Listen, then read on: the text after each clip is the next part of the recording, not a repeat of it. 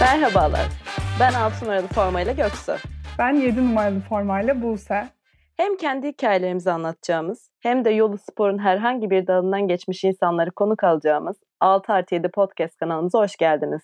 Hazırsanız spora ve sporcuya dair ne varsa konuşacağımız bölümümüze başlıyoruz. Merhabalar, bugünkü konuğumuz milli tekvandocu Emine Nur Palaz. Hoş geldin Emine Nur, nasılsın? Hoş bulduk, iyiyim, teşekkür ederim. Sizler nasılsınız? Çok teşekkürler, bizler de iyiyiz. Öncelikle davetimizi kabul ettiğin için çok teşekkür ederiz. Hem seni hem de tekvandoyu yakından tanımak için sabırsızlanıyoruz. Ee, eğer hazırsan sohbetimize ilk sorumuzla başlamak istiyorum. Ee, bize kısaca kendinden bahseder misin? Tabii ki. Ee, ben Emine Nur Palaz. 21 yaşındayım. Adanalıyım. 8 ee, yaşından beri tekvando sporuyla ilgileniyorum. Şu anda Nevşehir Ürgüp'te Kapadokya Üniversitesi'nin Diş Hekimliği Fakültesi'nde eğitim görüyorum. E, aynı zamanda Mavi Kaplanlar Spor Kulübü adına müsabakalara katılıyorum diyebilirim. E, süper. Peki spora nasıl başladın? Tekvando öncesinde herhangi bir spor geçmişin var mıydı? E, spora başlama hikayem şöyle oldu. E, tekvandodan önce herhangi bir sporla uğraşmıyordum. E, benim ailem sporu seven insanlardı. E, benim de boş zamanlarımı iyi değerlendirmem, kötü alışkanlıklar ve kötü arkadaşlıklar edinmemem için beni spora başlatmak istediler ve evimize en yakın yerde tekvando salonu vardı. E, oraya gidip nasıl e, bir spor olduğunu öğrendim. Antrenmanlara katıldım ve zamanla çok ilgimi çekti ve devam etmek istedim. 13 yıldır da hiç bırakmadan antrenmanlarımı devam ediyorum. 13 Süper. yıl. 13 yıl şaka gibi. Ufacık bir de tekvandodan bahseder misin bize? Hani bu kuşaklar nasıl oluyor? E, turnuvalar nasıl oluyor? Tekvando e, çoğunlukla ayak ile yapılan bir savunma sporu diyebilirim. Zaten Kore'nin atasporu. E, bu yüzden disiplin çok ön planda. E, Tekvando'da yaklaşık iki yılda beyaz kuşaktan siyah kuşağa kadar ilerleyebiliyorsunuz. Dört ayda bir e, kuşak sınavı dediğimiz sınavlar oluyor. Bu şekilde siyah kuşağa kadar gelebilirsiniz. Belli kuşaklara geldiğimizde, örneğin kırmızı siyah geldiğimizde maçlara katılabiliyoruz zaten. Yıl içerisinde de Türkiye şampiyonaları oluyor. Öyle çok sık bir e, maç programımız olmasa da yılda 3-4 maça katılabiliyoruz. Ailenin aslında spor geçmişi olduğundan bahsettin. Ya bu da çok önemli bir şey. O dönemlerde ailenin aslında seni yönlendirmesi çok değerli. E, ben de aslında burada biraz ona değinmek istiyorum. Yani ailenin senin spora devam etmen konusundaki tutumu nasıl oldu? Yani çünkü bazı aileler e, tedirgin olabiliyor. Sporla eğitim nasıl yürür, e, birlikte olur mu? Bu konuda aslında milli bir sporcunun ailesi nasıldı ilk başlarda? Biraz ondan bahseder misin? Ee, öncelikle benim annem e, lise yıllarında voleybolla uğraşmış, voleybol oynamış. Babam da çok küçükken judoya gitmiş. E, ablam da zaten kickbox yapıyordu ama sakatlandığı için bırakmak zorunda kaldı. Ailemiz zaten sporla ilgiliydi zaten. Spor konusunda da hep bana destek oldular. Hatta annemle babamla birlikte oturup maçlarımı tekrar izleyip yaptığım hatalar üzerinde konuşmuşluğumuz da oluyordu. Moral motivasyon olarak da e, bir sporcunun arkasında ailesinin olması, o desteği hissetmesi çok önemli bence. Beni destekleyen bir ailede yetiştiğim için çok şanslı görüyorum kendimi ve sporda bu kadar başarı elde etmemde büyük katkısının olduğunu düşünüyorum. Benim ailem okul ya da spordan birini seçmek zorunda bırakmadı benim. E, ama maalesef ki günümüzde şöyle bir algı var. Eğer sporla uğraşıyorsak derslerimizi aksatırız ya da eğitim hayatımız kötü etkilenir. E, ben bu algının yanlış olduğunu düşünüyorum. Aksine sporun eğitim hayatında bize disiplin kazandırdığını, stres yönetimini kazandırdığını düşünüyorum. Ailem de beni ikisinden birini seçmek zorunda bırakmadı hiç. İkisini de birlikte ilerletirsem zorluklarının olacağını, çok yorulacağımı anlattı. Ama ikisinde de başarılı olabileceğimi de söylediler bana. Ben de ikisini de birlikte yürütmek istediğimi e, onları dile getirdim. Ailem de hep destekçi oldular zaten. Hiç ikisinden birini seç demediler. Hep de benim arkamda durdular. Ya ne güzel. Ya şey çok iyi geldi bana özellikle. Hani sana zorluklarını da en başta söylemeleri ve daha sonrasında evet bunlar zorluklar ama aynı zamanda karşına böyle kapılar da açılacak şeklinde hani o zamanda bile seninle bu şekilde konuşmaları gerçekten ne kadar bilinçli olduklarını gösteriyor. Ee, bu beni çok mutlu etti. Çok da güzel geldi gerçekten. Evet, yani zorlukların olabileceğini ama istersen bunu başarılabilirsin dedi. Ee, bu yolda da desteklediler hep beni. Süper. Gerçekten çok, çok aşırı güzel. şanslısın. Ee, özellikle bireysel spor yapan biri olarak aileden desteklenmek çok önemli. Bir de ben e, şöyle düşünüyorum. Diş hekimliği okuyorsun, sınavı kazanmışsın, bir üniversitedesin bir de diş hekimliği desin. Hani bu süreç senin için nasıldı ve Türkiye'deki eğitim spor ilişkisini sen nasıl değerlendiriyorsun? Sence neler değişse sporcular için hayat daha kolay hale gelir? Yani Türkiye'de spora daha çok önem verilebilir diye düşünüyorum. Ee, yani sadece futbol ya da basketbol değil de diğer branşların da olduğunu, onlarda da çok güzel başarılar elde edildiğini ve edilebileceğini de e, anlaşılmasını istiyorum aslında. Yani sporda elde edilen başarılar daha çok gündeme gelebilir. İnsanlar bunları daha çok örnek alabilir ve spora başlayabilir diye düşünüyorum. Yani küçük yaşta spor yapılması gerektiği anlatılabilir. Yani bu şekilde. Hatta yeni gelişmelerde ben bu diş hekimliğine sporcu bursundan girdim diyebilirim. Normalde Hı-hı. bir devlet üniversitesine 38 binle girebiliyorken diş hekimleri hani diş hekimi olabilmek için. Ben 69 bindeyken e, normalde Vakıf Üniversitesi benim gittiğim üniversite. Vakıf Üniversitesi'ne tam burslu bir şekilde girebildim. E, böyle avantajlar sağlanmaya başladı aslında ama daha çok gelişmelerin olmasını istiyorum. Hani spor sayesinde burs almış öğrencileriz diyebilirim. Çünkü Buse'de ben de aynı şekilde okuduk, mezun olduk. Gerçekten çok büyük bir teşvik olursa eğer Türkiye'de e, spor ve eğitim bir arada çok güzel ilerler diye düşünüyorum ben de. Ya özellikle evet vakıf üniversitelerinin tabii ki bunlar için daha e, ciddi bütçeleri olabiliyor ama bence devlet üniversitelerinde de böyle bir sisteme geçilse en azından daha çok sporcuya ulaşılabilse e, bu bilinç daha da gelişir ve aslında dediğin gibi hem sporcular daha eğitimli bireyler haline gelebilir hem de aslında iki farklı koldan da sadece sporla alakalı bir bölüm değil daha farklı bölümler de okuyabilir sporcular ve böylece aslında işte sakatlık veya psikolojik olarak bazı sıkıntılar yaşadığında sporda elinde evet ya ben başka bir şey daha yapabilirim. Evet bir branşım daha var ve meslek sahibi olabilecek seviyedeyim e, diye düşünmek de çok değerli ve aynı zamanda sporcular için de güzel bir aslında seçenek bence. Biraz aslında eğitimden bahsettik. Biraz da sosyal hayat ve spor dengesi e, konusu hakkında konuşmak istiyorum ben Emine. Çünkü bu denge de aslında tutturması çok zor olabilen bir denge. Çünkü senin de aslında okuduğun bölümün yoğunluğu çok fazla. E, örneğin biz de e, lise ve üniversite dönemlerinde biraz böyle sosyal hayatımızı geri plana atmıştık. E, sen bu dengeyi nasıl tutturabiliyorsun veya e, sen de aslında e, bazen bu dengeyi tutturamadığın zamanlarda e, oluyor mu? O dönemlerde neler yapıyorsun? Biraz bunu konuşalım istedik. Bu dengeyi tutturamadığım zamanlarda oluyor ama hiçbir zaman e, sosyal hayattan ayrı kalmak istemedim. Hep aktif olmak istedim o tarafta da. E, spor yaparak zaten bir yönden aktifleşiyoruz. Benim spor sayesinde çok çevrem gelişti diyebilirim. Bir sürü arkadaşım oldu. Hem yurt içinden hem de yurt dışından arkadaşlar edindim. E, spor hayatıma önem vermeye çalışıyorum ama tabii ki de hem eğitimi hem sporu bir arada götürdüğüm için e, çok vakit ayıramadığım zamanlar da oluyor. Ama dediğim gibi çok e, ona da önem verip o alanda da çok sosyalleşmek istiyorum. Evet yani özellikle e, bu alan da insanı çok besleyen bir alan bence. Eğer buna yeteri kadar aslında zaman ayırmazsan ve biraz arka plana atarsan böyle kendini tükenmişlik noktalarında bulabiliyorsun ki bu da e, sonu çok iyi noktalara gitmeyen bir durum. O yüzden o dengeyi tutturmak, eğer tutturamıyorsan o alanda biriyle çalışmak, yardım istemek, o biraz önce bahsettin ya zaman yönetimi. Yani evet onu kazanıyoruz ama bazen de böyle o kadar iş, işin içinden çıkamıyoruz ki e, o zaman yönetimi böyle karman çorman olabiliyor. O yüzden de ya ben işte ne zamandır bir kahve içmeye gitmedim veya bir konsere gitmedim, farklı bir şey öğrenmedim diye düşünebiliyorsun. E, o yüzden bunu tutturabiliyor olmak çok çok değerli bence de. E, bu aslında sosyal hayat ve sporu dengelemenin yanında e, bir dengelemen gereken bir şey de beslenmen. Senin nasıl bir beslenme düzenin var aslında? Nelere dikkat ediyorsun bu noktada? Öncelikle başarılı bir sporcu olabilmek için beslenme çok önemli bir faktör oluyor. Ee, yani beslenemezsek sporda iyi bir yerlere gelemiyoruz. Yaptığımız antrenmandan verim alamıyoruz aslında. Amatör bir spor yaptığımız için tabii ki de her kulübün bir diyetisyeni yok. E, ama bu konuda 13 yıldır spor yaptığım için ne yemem gerektiğini, ne yapmam gerektiğini biliyorum. En azından tecrübelerim var diyebilirim. Beslenmeme önem veriyorum. Çok fazla abur cubur yememeye çalışıyorum.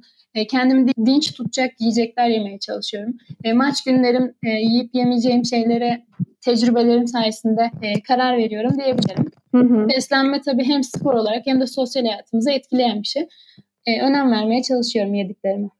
Kesinlikle. Peki şeyi de soracağım şimdi merak ettiğim bir konu. Mesela bir maç zamanı ne kadar sürüyor? Yani siz ne kadar bir e, zaman çerçevesinde orada kalıyorsunuz? Ne nasıl besleniyorsun öncesinde? Çünkü eğer yani dövüş sporu dediğin şey gerçekten çok çok efor harcadığın ve buna uygun beslenmen gereken bir e, aslında spor dalı. Ne kadar sürüyor tam olarak maçlarınız? E, biz bir gün içerisinde 7-8 maç yaptığımız günler oluyor.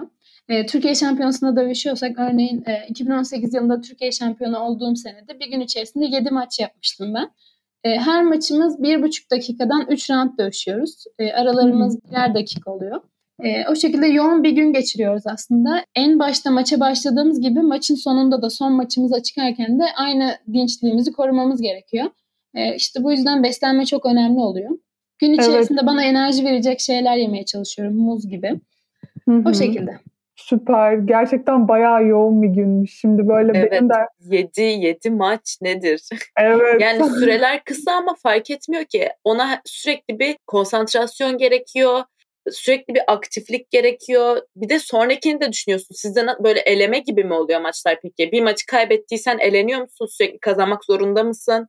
Yoksa puan mı topluyorsun? Evet maçı kaybettiğimiz zaman eleniyoruz. Tekrar maça çıkamıyoruz. Maçı kazandıkça ilerliyoruz. E, ve maç kazandıkça e, kalan sporcu sayısı azaldığı için maçlar üst üste olmaya başlıyor. Örneğin e, ilk çıktığımız maçla ikinci maç arası 2 saat sürüyorsa ilerleyen maçlarda 6. 7. maç arasında 15 dakika sonra çıkabiliyoruz maçlara çok zor yani psikolojik olarak zor. Fizikseli geçtim. Sürekli konsantre olmak zorundasın. Sürekli anda kalmak zorundasın. Başka bir şey düşünmeye bile zamanı yok aslında. Evet, evet. gün boyunca o maça motive olmamız gerekiyor.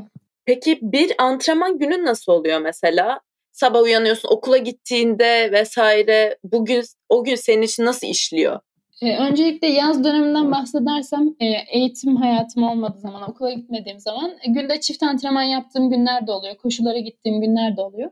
Ama okul okul başladığında, eğitim hayatım başladığında e, sabahları olabildiğince erken kalkıp koşulara gitmeye çalışıyorum. Kendimi dinç tutmaya çalışıyorum. Daha sonra okuluma gidip akşam da tekrardan gelip bir antrenman yapıyorum. Günümü o şekilde bitiriyorum diyebilirim. Peki antrenmanı mesela kiminle yapıyorsun? Senin bulunduğun kulüpteki rakibin mi oluyor yoksa antrenörün mü oluyor? Nasıl oluyor?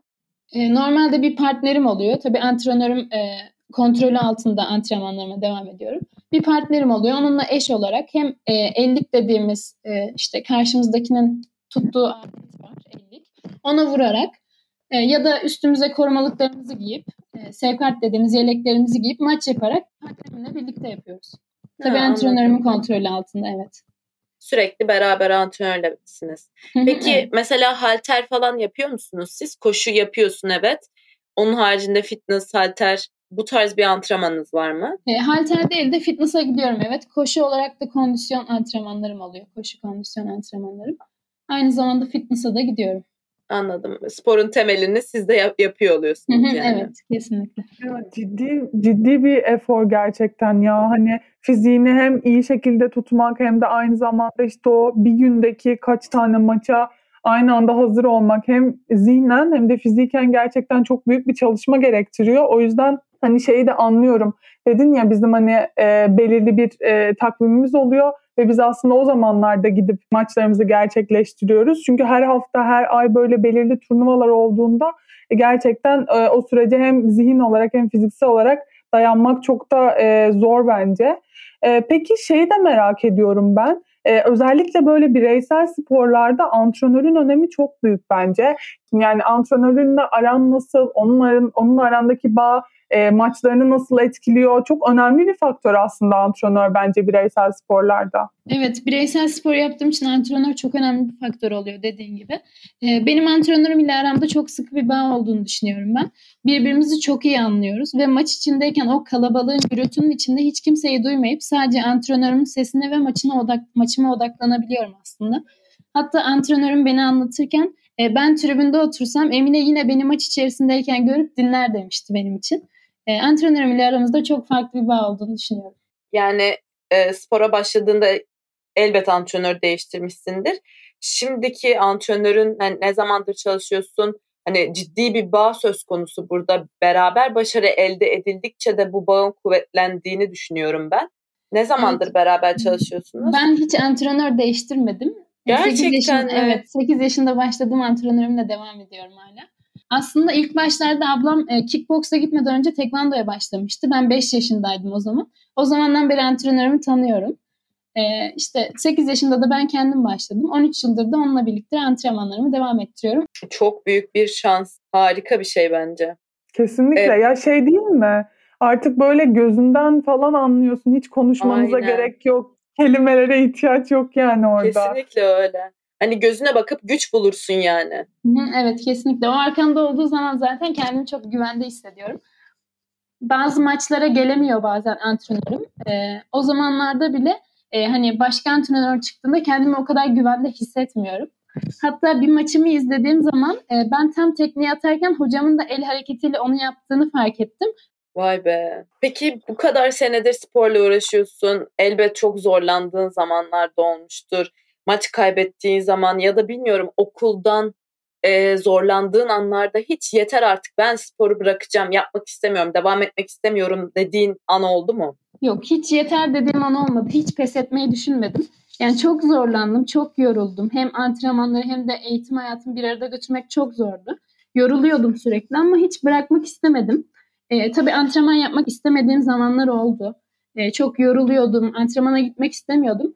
Ama her antrenmana gitmek istemediğimde gitmeseydim e, buralara kadar gelemezdim diye düşünüyorum. Yani geriye dönüp baktığımda iyi ki o antrenmanlara gitmişim ki iyi ki bu dereceleri elde etmişim diyorum. Hiç pes etmeyi düşünmedim. Süper valla. Gerçekten Evet. seni çok tebrik ediyorum. Şey çok doğru ya. Yani söylediğin şey her gitmek istemediğimde gitmeseydim yani. Evet o zaman o gün mutlu olurdum veya işte o iki saatte daha çok dinlenirdim. Ama e, bu başarıları kesinlikle elde edemezdim dedin. Yani çok doğru. Çünkü işte bazı şeylerden ciddi feda- fedakarlık etmek gerekiyor o başarıları da elde edebilmek için. Böyle yakın arkadaşların, spor yapmayan insanlar sana hiç ay bugün antrenmana gitme ya gel şuraya gidelim falan dediği oldu mu? Bu durumlarda sen ne yaptın? Evet çok öyle teklifler alıyordum. Bugün antrenmana gitme gel beraber kahve içelim gibi teklifler. E, ama yani o an değil de o an antrenmanıma gidip başka boş olduğum bir zamanda onunla kahve içmeyi tercih ediyordum. Evet, seni yıldıramamışlar. Spor gerçekten Evet. sevmek böyle bir şey. Hani pes etmeden gerçekten başarı için bir şey yapmak apayrı bir olay. Evet çok fedakarlık gerektiriyor. Annem benim için küçüklüğümden beri sen tekvandoya aşıksın derdi. Beni o şekilde tanımlardı. Ya zaten aşık olmadan gerçekten bu kadar zorluğa göğüs germek de çok zor bence. Mesela bir hafta antrenmana gitmesek biz bir ay gerilemiş kadar yani bir ay gitmemiş kadar geriliyoruz diyebilirim. Spor Evet, devamlılık spor gerektiren çok şey. nankör. Çok Hı hı. çok nankör bir spor. E işte e, sezon bittiğinde yaz döneminde bir ara veriyoruz. Sonra böyle döndüğümüz ilk antrenman yani kendimizi tanıyamıyoruz. O parmak paslarda parmaklar birbirine giriyor, toplar atılmıyor. yani koşuyorsun her yerinden terler fışkırıyor falan. Yani alt tarafı iki ay böyle hani e, şey de değil bu arada tem, bir şekilde voleybola veya işte spora devam etmeye çalışıyoruz. Hani kendi çapımızda işte fitness'a gidiyoruz, ufak koşular yapıyoruz ama yine de yani tamamen sıfırlanıyor ve o maçlara hazır hale gelmek neredeyse yine bir iki ayımızı alıyor yani. O yüzden e, çok da e, nankör dediğin gibi Göksu senin de. Biraz da aslında şey günümüze dönelim istiyoruz. Yani şu an hem diş hekimliği okuyorsun hem milli bir sporcusun ve ciddi önemli başarıların var. Peki sen şu an olmak istediğin emine misin? E, onu merak ediyoruz. Yani şu an olduğum kişiden memnunum aslında. İstediğim bölümde okuyorum. Sporda da güzel dereceler elde edip çeşitli ülkelere gittim. Çok güzel turnuvalarda dövüştüm. Yani geriye dönüp baktığımda dolu dolu bir hayat geçirdiğimi düşünüyorum. Ancak şu an olmak istediğim kişi değilim bence. Çünkü daha çok hedefim var, daha çok başarmak istediğim şeyler var. Örneğin ileride iyi bir diş hekimi olmak istiyorum. Bir alanda uzmanlık almak istiyorum. Kendime ait bir klinik açmak istiyorum. Hastalarımı orada muayene etmek isterim. Aynı zamanda da spordan çok uzak kalmak istemiyorum. Ee, bir spor salonu açıp en azından orada e, benden bir şeyler öğrenebilecek bir sporcu yetiştirmek istiyorum diyebilirim. Bilgilerimi aktarmak Antrenörlük de istiyorum. hedefin mi yani? Yani antrenörlük olmasa bile yani açıcı, açacağım spor kulübünün başına bir antrenör koysam bile arada oraya gidip sporcularla ilgilenmek isterim. Of, harika. Yani çok güzel bir olay bence. Sonuçta sen oradan yetiştin. Ee, en aşağısını da biliyorsun ve bir e, sporcu yetiştirmek muazzam güzel bir olay. Yani çiçek ekmişsin o çiçeği kendin büyütüyorsun her şeyle sen ilgileniyorsun. Bunu çoğu sporcu istemez bence. Hani bireysel evet. olarak evet daha potansiyel var. Takım sporunda çok daha zor. Ama bence çok büyük bir istek ve umarım bunu gerçekleştirebilirsin. Senin gibi sporcuların bence çok ihtiyacı var Türkiye'ye. Hem sporcu anlamında hem karakter anlamında hem eğitim anlamında. Yani en azından bilgilerimi, tecrübelerimi aktarıp hani iyi bir yerlere gelebilmesini isterim sporcuların.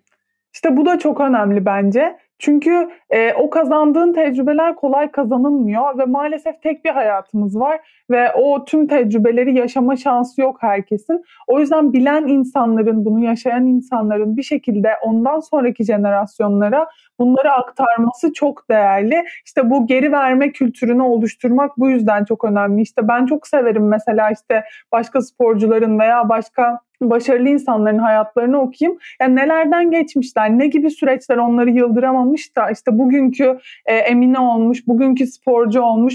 Bunu başkalarına aktarmak, en ufak bir şekilde bile aktarmak inanılmaz değerli gerçekten. Evet, birilerinin hayatına dokunabiliyor olmak çok önemli. Evet. Peki senin e, kendi branşın olur ya da başka branşlar olur. Örnek aldığın sporcular var mı? Evet, başka branşlardan örnek vermem gerekirse Tiana Boşkoviç e, çok sevdiğim bir sporcu. Çok yetenekli ve çok hırslı olduğunu düşünüyorum. E, voleybol maçlarını da çok sıkı takip ediyorum. E, onu izlerken de çok büyük keyif alıyorum. Daha dün Dünya Şampiyonası finalinde e, MVP seçildi ve e, röportajında şunu söylüyor. Hani ona sordular seni bu kadar bunu istemeye yöneten şey, yönelten şey ne? Neden buradasın? Neden bunu bu kadar iyi yapıyorsun diye. Dedi ki ben sadece bu işi seviyorum ve bu korta çıktığım anda benim için sadece voleybol var.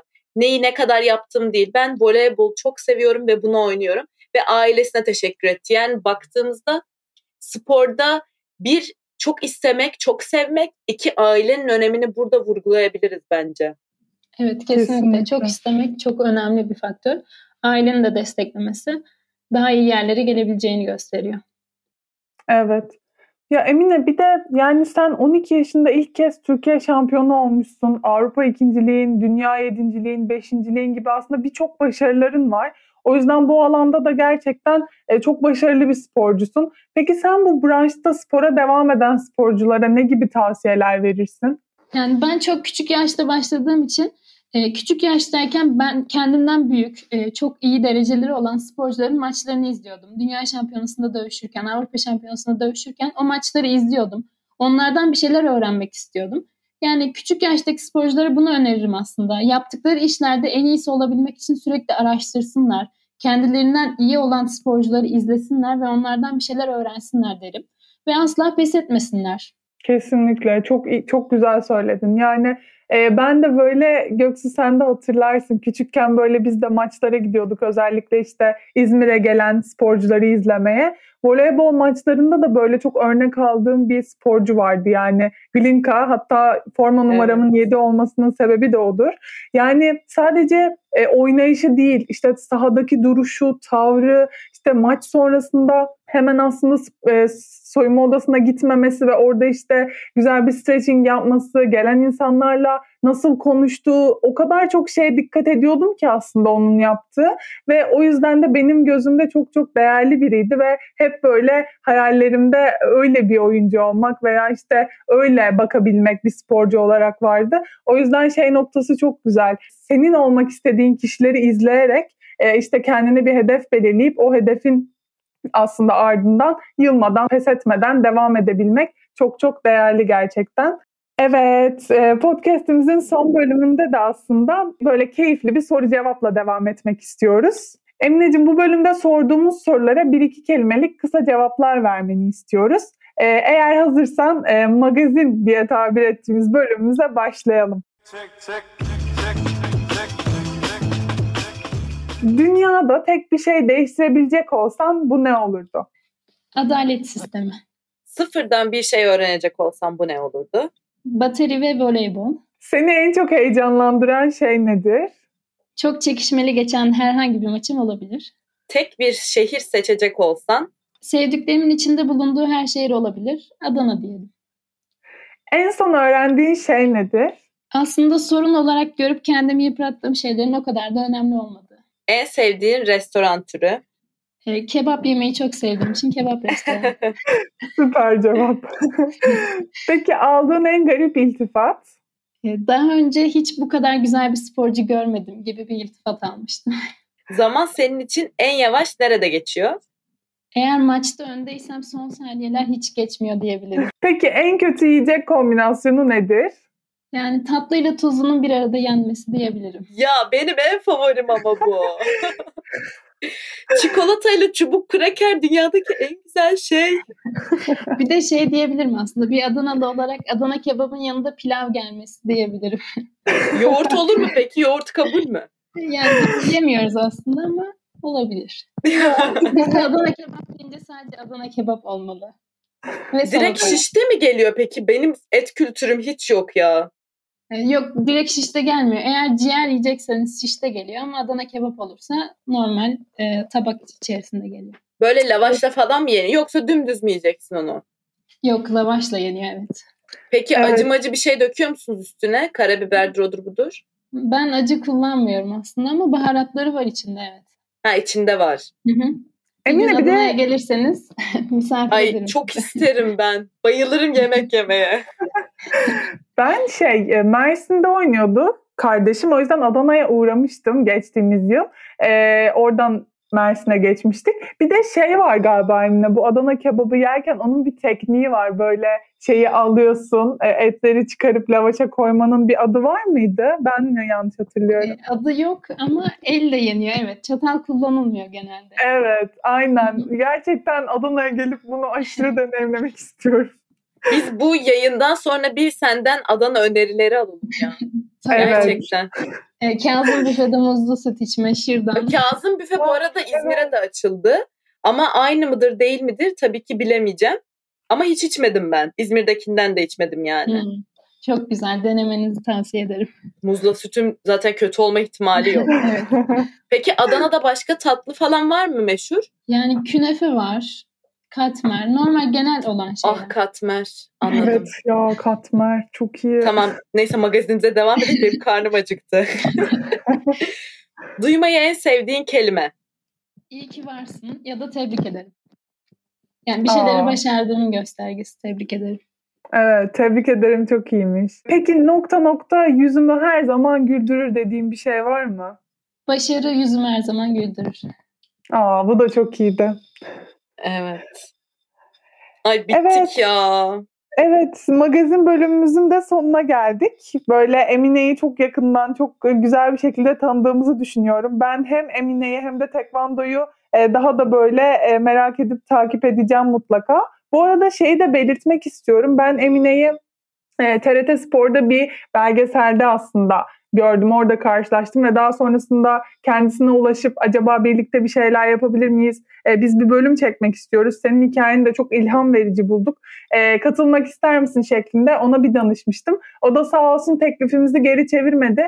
E, Emine'yi daha iyi tanımak istiyorsanız, e, ailesiyle tanışmak istiyorsanız e, belgeseli de mutlaka mutlaka izlemenizi tavsiye ediyorum. Ben çok beğendim. Aynı zamanda e, Emine'nin e, okul öğretmenlerinden de çok güzel böyle röportajlar aldıkları bir bölüm var. E, orada da aslında onların Emine ile ilgili paylaştığı şeyler çok değerli. E, bence ona da mutlaka bir göz atın. Tekvando'ya başlamak isteyenler olursa seninle bir şekilde iletişim ge- iletişime geçseler yardımcı olur musun onlara? Buradan Tabii bunu da de. söyleyelim. Evet tabii ki de. Bana ulaşabilirler Instagram'dan ya da başka şeylerden. Biz açıklama kısmına senin adresini de bırakalım.